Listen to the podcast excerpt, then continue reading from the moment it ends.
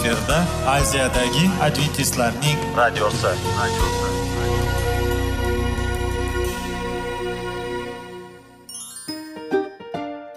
Assalomu alaykum aziz radio tinglovchilar. Sog'liq daqiqasi rubrikasiga xush kelibsiz.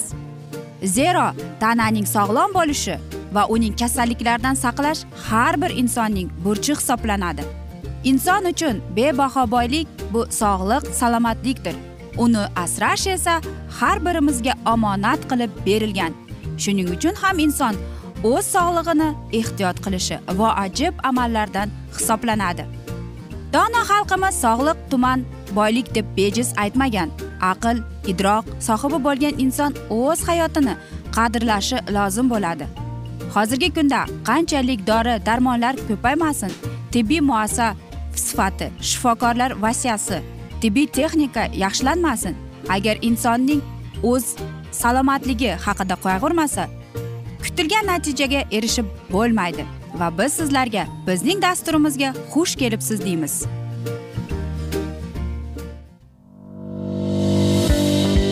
Sog'liq daqiqasi soliqning kaliti qiziqarli ma'lumotlar faktlar. Har kuni siz uchun foydali maslahatlar. Sog'liq daqiqasi rubrikasi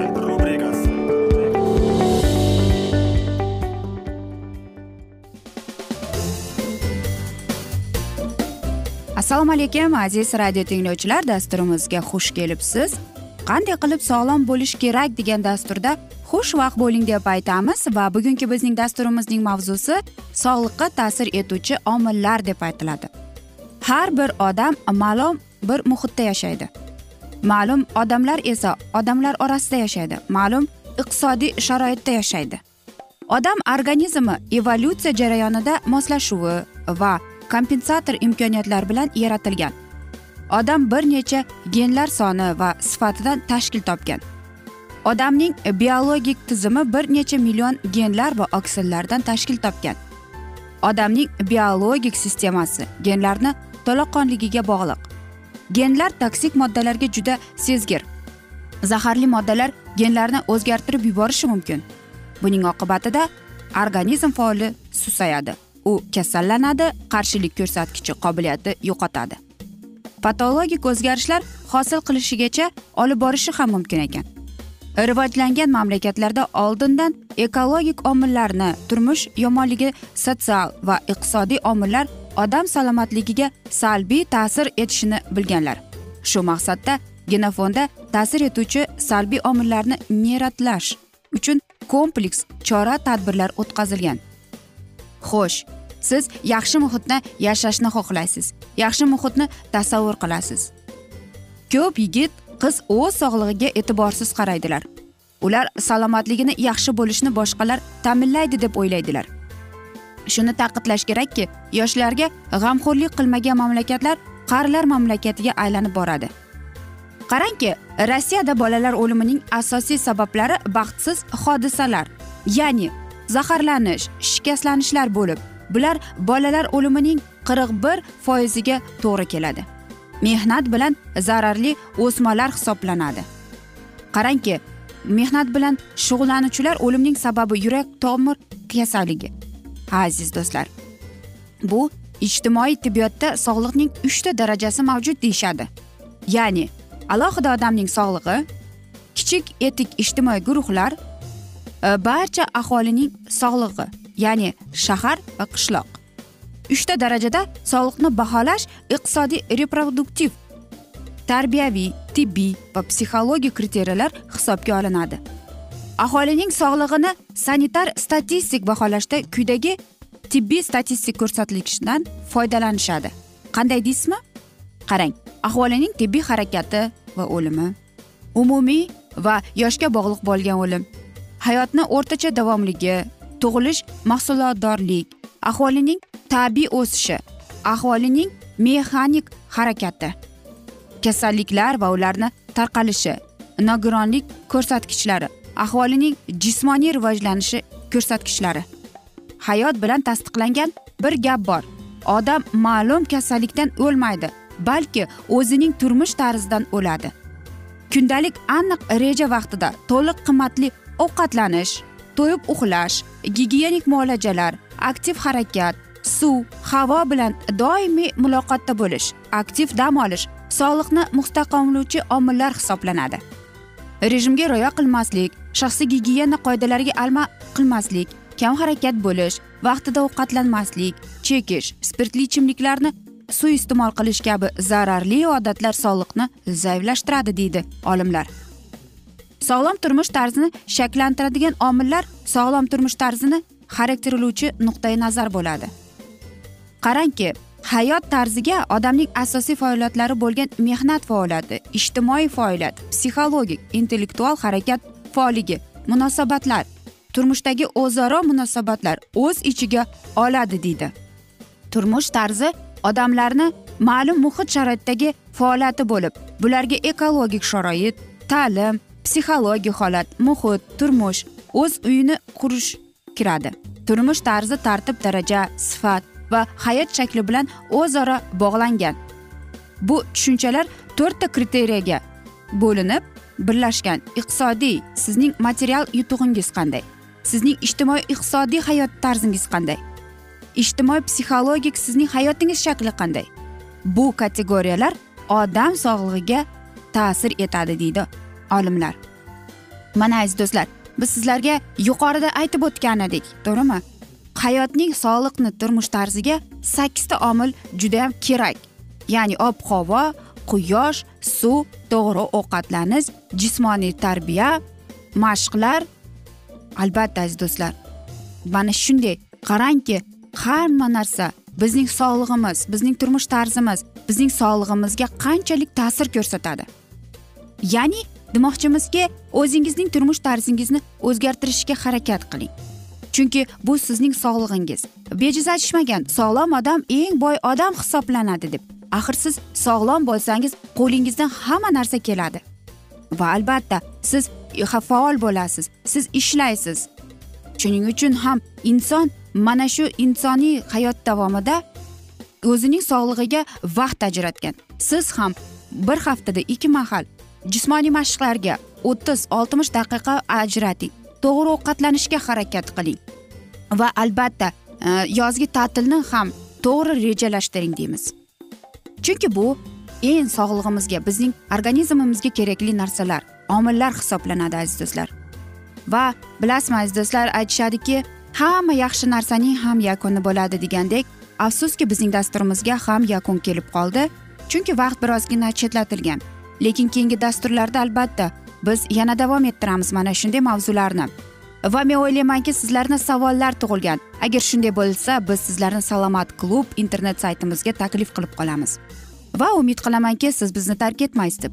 Chunki oldinda bundanda qiziq bundanda foydali dasturlar sizni kutib kelmoqda aziz do'stlar. Biz sizlarga va oilangizga sog'lik salomatlik tilagan holda xayrlashib qolamiz.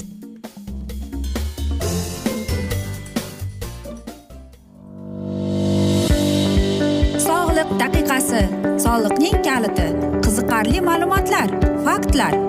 Har kuni siz uchun foydali maslahatlar. Sog'liq daqiqasi rubrikasi.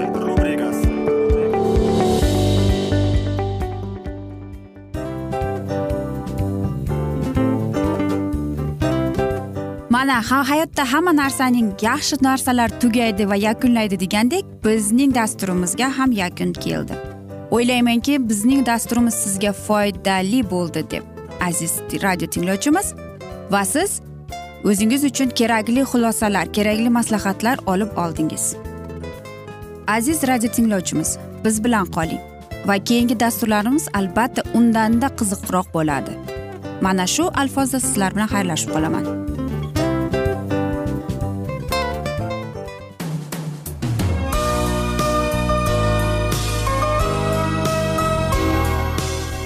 Efirda aziyadagi adventistlarning radiosi.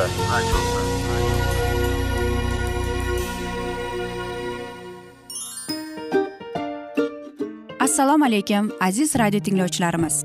Dil izhori dasturimizga xush kelibsiz. Pul insonni baxtli qiladimi?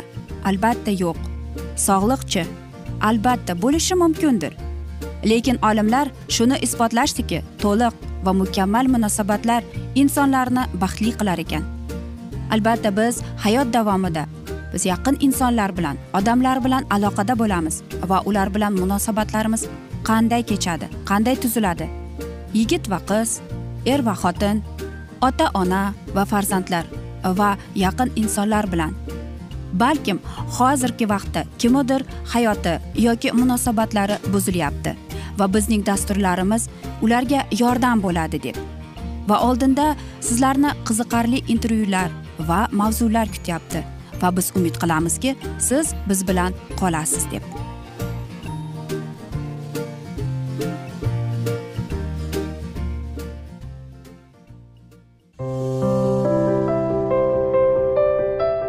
Har kuni har xil kasbdagi odamlar bilan sirlashish va bo'lishish sevgi rashq munosabat. Bularni hammasi dil izhori rubrikasida.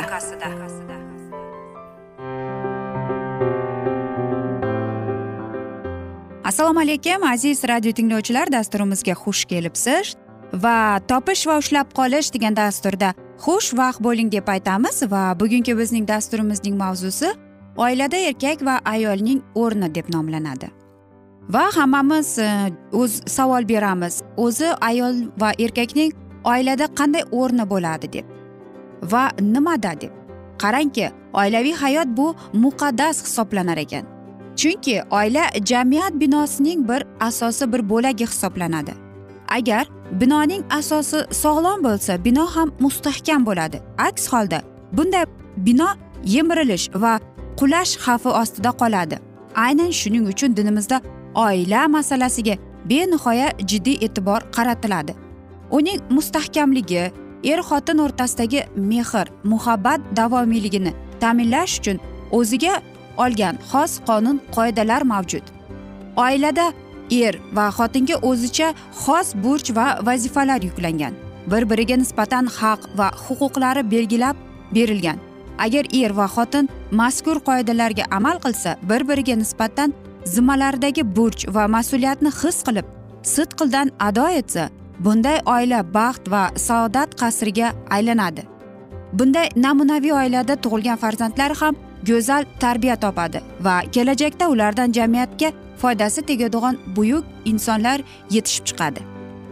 Bordiyu er va xotin bir birining haq huquqini tanimasa balki ularni poymol qilsa tabiiyki bunday oilada tinchlik va xotirjamlik bo'lmaydi. O'zaro mehr muhabbat zavol topadi. Oilada parakanda bo'lish va parchalanish xavfi ostida qoladi. Shu bois ham bizning dinimiz er va xotinning har biriga o'ziga xos huquqlar ato etib ma'lum majburiyatlarni ham yuklagan. Mazkur huquqlarning ba'zilari er va xotin o'rtasida mushtarak bo'lsa ba'zilari erga tegishli va yana ba'zilari xotinining o'ziga tegishli bo'lgan huquqlar hisoblanadi. Shariatimizda shunga o'xshash savollarning barchasiga javob berilgan. Xo'sh er kimu uning qanday majburiyatlari bor? Xotin kim? Uning majburiyatlari qanday?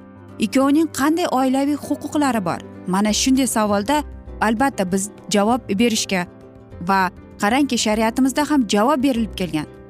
Xo'sh ularning e, fe'l atrofdagi biror harakat yoqmagan taqdirda ham qo'pollik qilmasdan shirin so'zlik bilan kamchiliklarni aytish ularni tuzatishga ko'maklashish kerak bo'ladi. Nega deymiz? Chunki qarangki mehr va mana shunday muruvvat sevgi bor oilada bizning farzandlarimiz va nafaqat farzandlarimiz hattoki bizning er va xotinning bo'lgan munosabatlarimiz yuqori darajada bo'lar ekan. Qarangki har bir erkak ayoliga g'amxo'rlik ko'rsatish e, muomalaga madaniyatiga ahamiyat berishi berilgan buyuk marhamatni e'zozlash kerak. Va mana shu yerda yana aytmoqchimizki avvalo unga muhabbat qo'yish. Chunki erkak kishi insonparvarlik mardlik nuqtai nazaridan ayoli bilan ham fikr ham nafas bo'lishiga intilishi lozim. Ayniqsa hozirgi kunda bizning yurtimizda bo'layotgan mana shunday o'zgarishlar kelayotganda.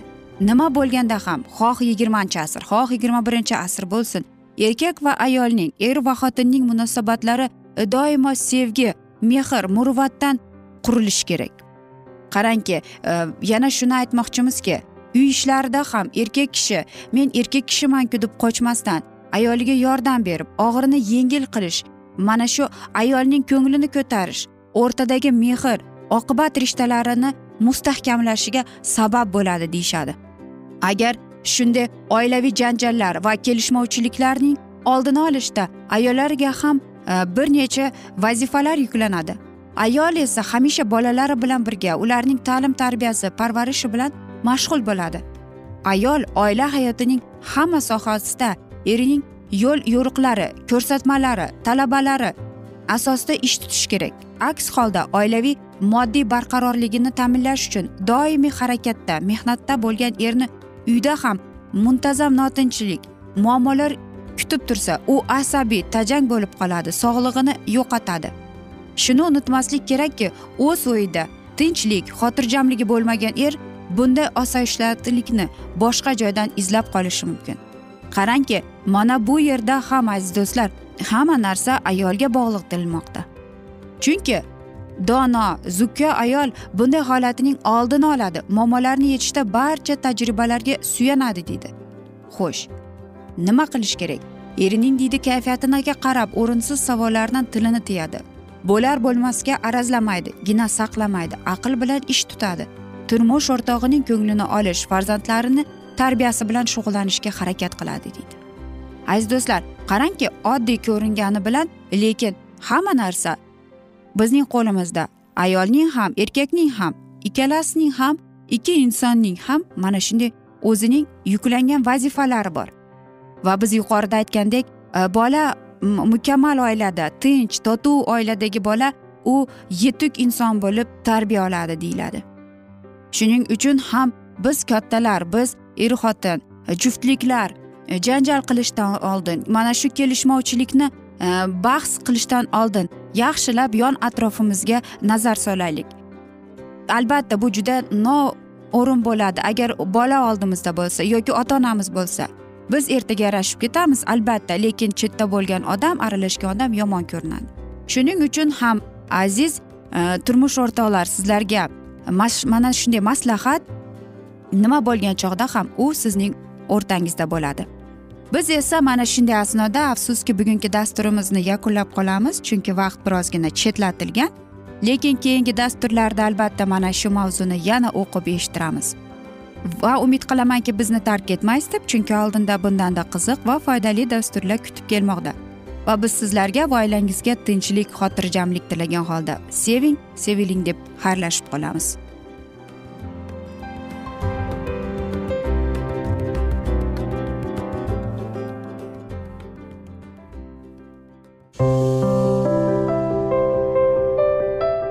Har kuni har xil kasbdagi odamlar bilan sirlashish va bo'lishish. Sevgi rashq munosabat bularni hammasi dil izhori rubrikasida. Mana aziz radio tinglovchimiz bizning go'zal va foydali va chiroyli dasturimiz yakunlanib bormoqda. Sizlarga birozgina maslahat berib o'tmoqchi edik. Bir biringizni seving qadringizga yeting. Va erkalang albatta bir biringizni va sizga judayam chiroyli va mustahkam munosabatlar tilab qolamiz albatta. Sevgilingiz doimo yoningizda bo'lsin. Mana shu borada sizlar bilan xayrlashib qolamiz. Xayr.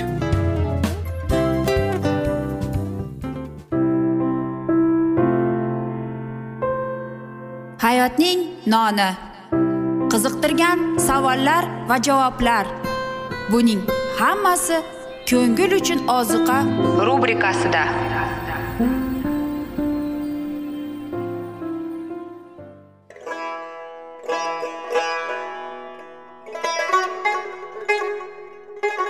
Assalomu alaykum aziz radio tinglovchilarimiz. Ko'ngil uchun oziqa rubrikasida xush kelibsiz deymiz. Siz haqiqatni izlayapsizmi? Olamnimi? Umidnimi? Siz kimga murojaat qilmoqchisiz? Odamlar ko'pincha siyosat kuchiga tayanadilar. Dunyo iqtisodiyoti holati tobora chuqurlashib bormoqda. Tabiiy ofatlar va texnogen halokatlar minglab insonlarning hayotini olib ketib juda katta zarar yetkazmoqda. Sizga abadiy hayot inomini hadya qiluvchi va hayotingizni tubdan o'zgartiruvchi haqiqatni izlab toping. Xudo haqidagi haqiqat uning kalomida mujassamlashgan. Kimki bu haqiqatni butun qalbi bilan izlasa albatta unga yetishadi. Bu sevgi xudoning tarixidir. Hayotingizda yoki sizning yon atrofingizdagi olamda nimalar yuz berishidan qat'iy nazar? Siz ertagi kunga buyuk umid va ishonch hosil qilishingiz mumkin. Hozirda xudo sizga taklif qilayotgan umid ishonchga o'z qalbingizni oching va sizni qiziqtirayotgan mavzularni savollaringizga javoblaringizni topib olasiz deb umid qilamiz. Biz bilan qoling.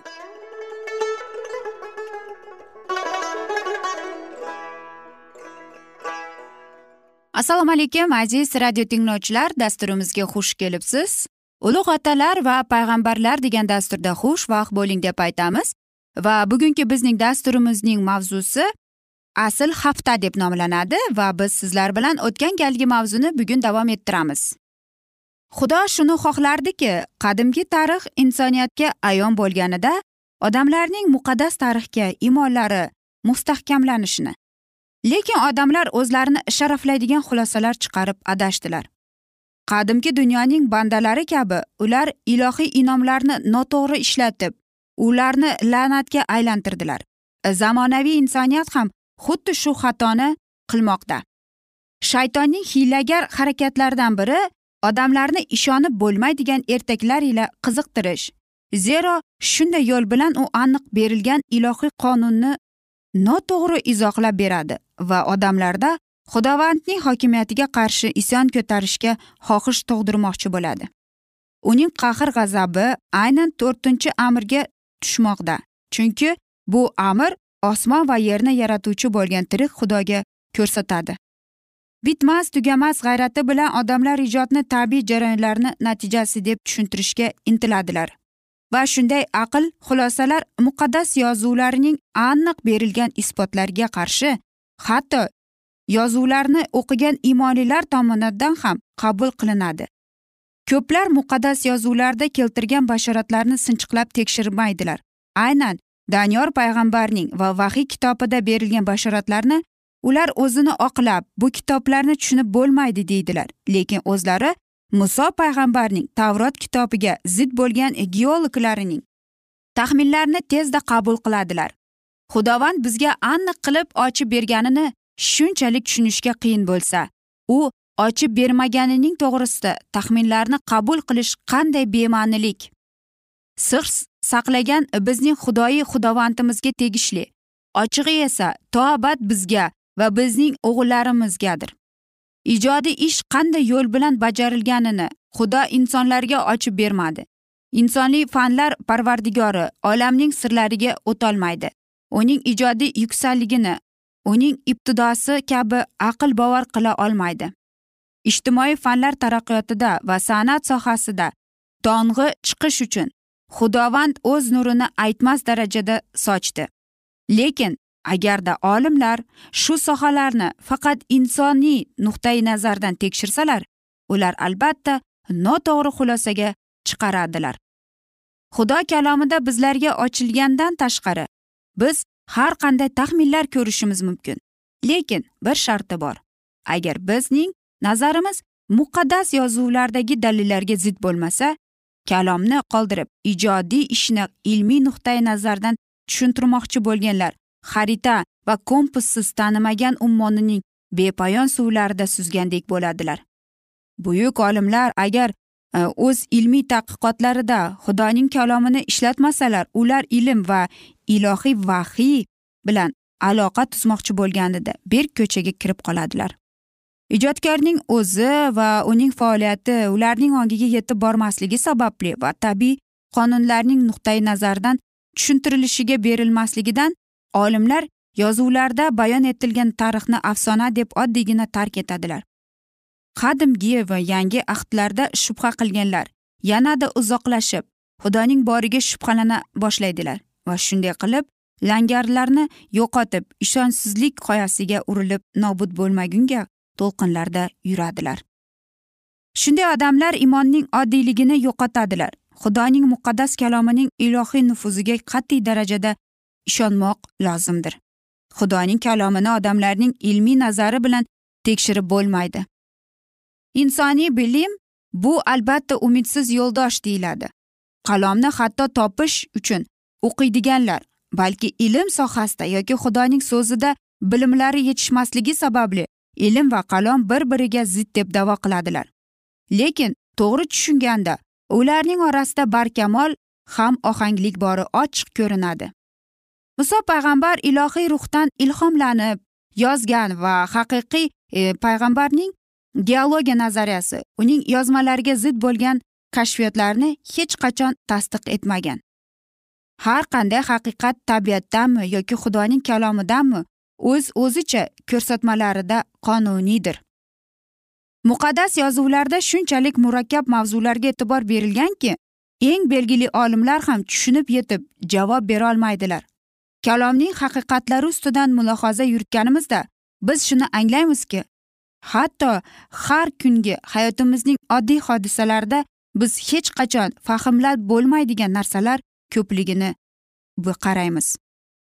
Shunga qaramay olimlar ilohiy hikmatiga uning yaratganiga yoki yarata olganiga etishlarishni ishonadilar. Parvardigor o'z qonunlari bilan cheklangan degan g'oya juda keng tarqalgan. Odamlar xudo borini yoki inkor etishadi yoki qaysarlik bilan uni bilishini tonishadi yoki hamma narsani tushuntirib berishga tayyor turadilar. Hatto muqaddas ruhining inson qalbiga bo'lgan ta'sirini ularda xudoning ismi sharafiga na ehtirom degani yo'q na uning kuchidan qo'rquv degan narsa yo'qdir. Aziz do'stlar qarangki qanday ajoyib bir tarixdir. Lekin mana shu tarixning siz e, muqaddas kitobda injilda o'qib chiqishingiz mumkin. Biz esa mana shunday asnoda aziz do'stlar e, bugungi dasturimizni yakunlab qolamiz chunki vaqt afsuski chegaralangan lekin keyingi dasturlarda mana shu mavzuni yana o'qib eshittiramiz. Va men o'ylaymanki sizlarda savollar tug'ilgan. Agar shunday bo'lsa biz sizlarni adventis tochka ru internet saytimizga taklif qilib qolamiz. Va umid qilamizki bizni tark etmaysiz deb chunki oldinda bundanda qiziq va foydali dasturlar kutib kelmoqda. Aziz do'stlar biz sizlarga va oilangizga tinchlik totuvlik tilagan holda xayrlashib qolamiz.